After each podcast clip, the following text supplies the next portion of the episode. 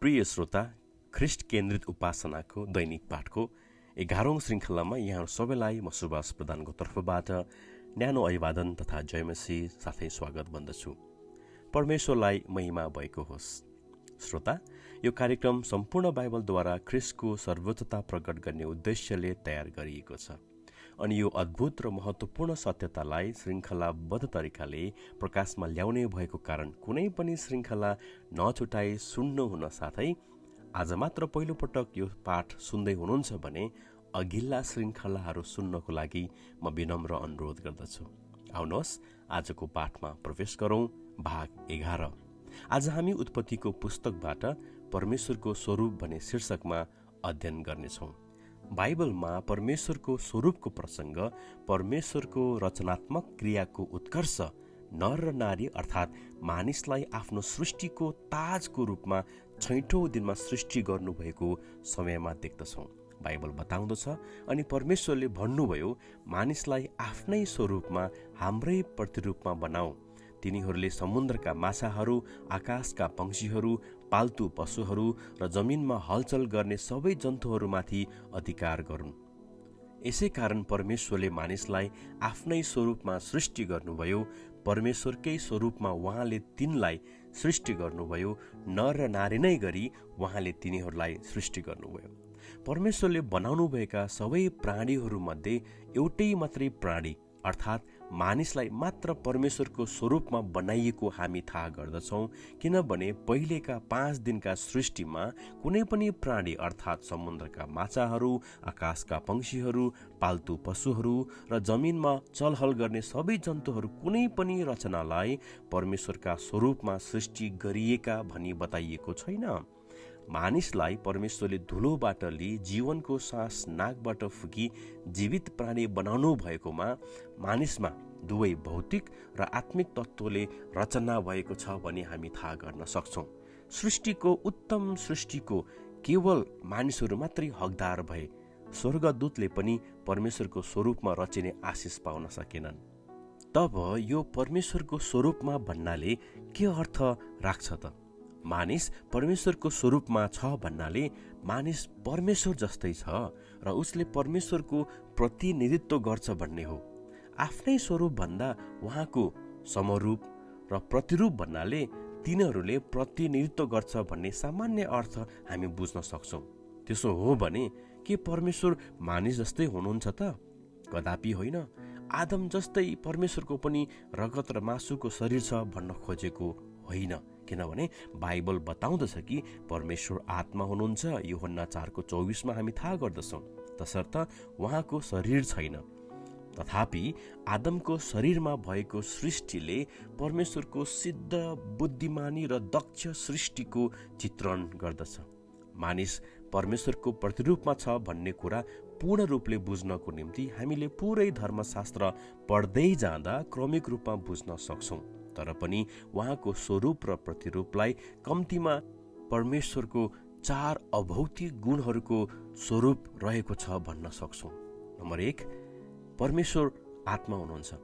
हामीमा पनि परमेश्वरको आत्माको बास रहेको छ भनी बाइबलले बताउँदछ जसले परमात्माको चाह मानिसले गरिरहन्छ किनभने मानिस परमेश्वरको निम्ति रचिएको हो। दोस्रो परमेश्वर बौद्धिक हुनुहुन्छ। परमेश्वरसँग रचना गर्ने सोच्ने समस्याको समाधान गर्ने समझ भएकोमा हामीमा पनि त्यही स्वरूप रहेको छ भन्ने हामी भन्न सक्छौँ। हामीमा पनि रचना गर्ने छाड्ने स्वतन्त्रता र सक्षमता रहेको छ। हाम्रा रचना र कृतिहरूले हामी परमेश्वरका स्वरूपमा रचिएका हौँ भनी गवाई दिइरहेका हुन्छन्। नम्बर तिन परमेश्वर सम्बन्धमुखी हुनुहुन्छ। परमेश्वर आफै पनि त्रियकत्वको सम्बन्धमा रहनु भएको कारण उहाँको स्वरूपमा हामीमा पनि प्रेम लिने र प्रेम दिने सक्षमता छ। परमेश्वरले मानिसलाई सङ्गतिको निम्ति रच्नु भएको हो तसर्थ मानिस एक्लो रहन असल छैन भनी बाइबल बताउँदछ। चौथो परमेश्वर न्यायी हुनुहुन्छ। मानिसले असल र खराबको चेतना लिएर आएको हुन्छ जसले हामीलाई न्यायसङ्गत व्यवहार गर्न र नैतिकतामा जीवनयापन गर्न सक्षम बनाउँछ। यसले परमेश्वरको पवित्रतालाई पनि देखाउँदछ। यसकारण मानिस परमेश्वरको स्वरूपमा सृष्टि गरिनु परमेश्वरको आत्मिक स्वभाव वा गुणसहित सृष्टि गरिनु भन्ने कुरा हामी बुझ्न सक्छौँ। प्रतिरूपमा भन्नाले परमेश्वरको प्रतिनिधिको रूपमा यस संसारको शासन वा अधिकार गर्ने भन्ने हामी बुझ्छौँ। परमेश्वर आफै यस संसारको मालिक र राजा हुनुहुन्छ। तर उहाँको यस सृष्टिमा उहाँले आफ्नो स्वरूप र प्रतिरूपलाई आफ्नो प्रतिनिधिको रूपमा समुद्रका माछाहरू आकाशका पंक्षीहरू पाल्तु पशुहरू र जमिनमा चलहल गर्ने सबै जन्तुहरूमाथि अधिकार गरून् भन्ने उहाँ चाहनुहुन्थ्यो। तर हामीलाई थाहा छ प्रिय श्रोता कि परमेश्वरको स्वरूपमा मानिसको सृष्टि भएको कारण उसलाई छनौट गर्ने स्वतन्त्रता पनि दिइएको थियो। तिनीहरू धार्मिक र सिद्ध रूपमा रचना गरिएका मानिसहरू थिए जसको मूल्याङ्कनमा परमेश्वरले अति असल भन्नुभएको थियो।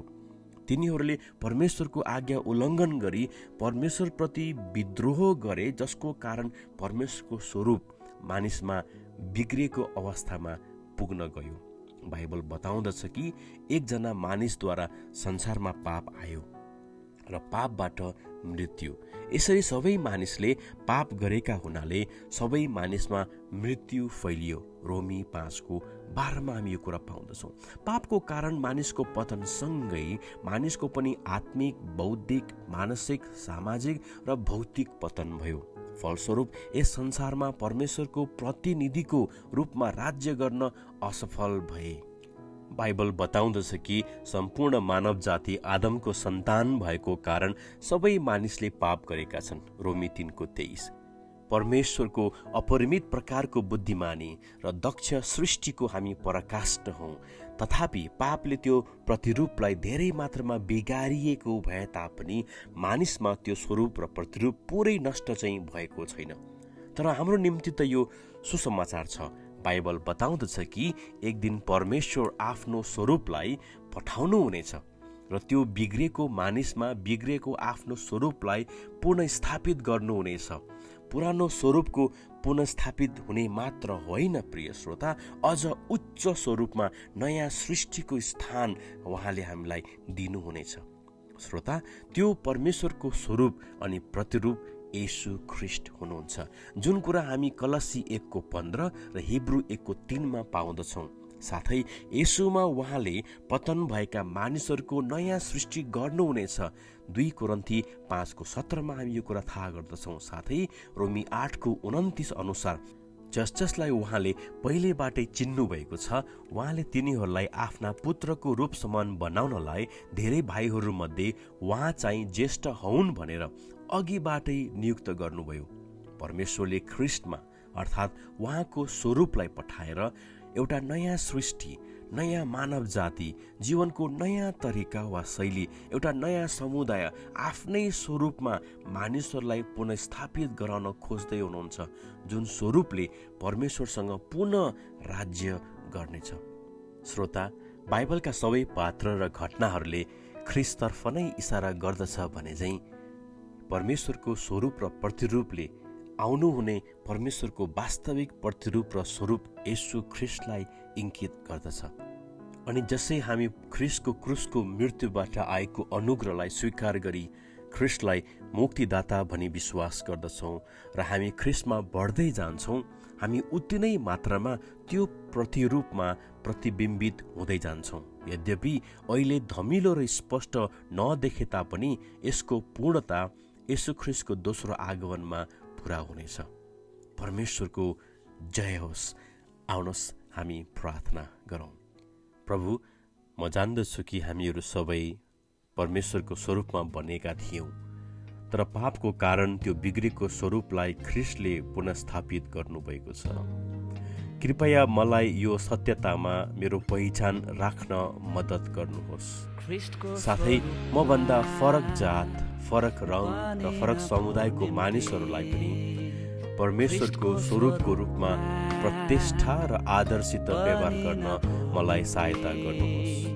तपाईँको ज्योति ममा चम्काउनुहोस् र तपाईँको स्वरूपमा रहेको नयाँ मानिस भई जीवनयापन गर्न मद्दत गर्नुहोस्।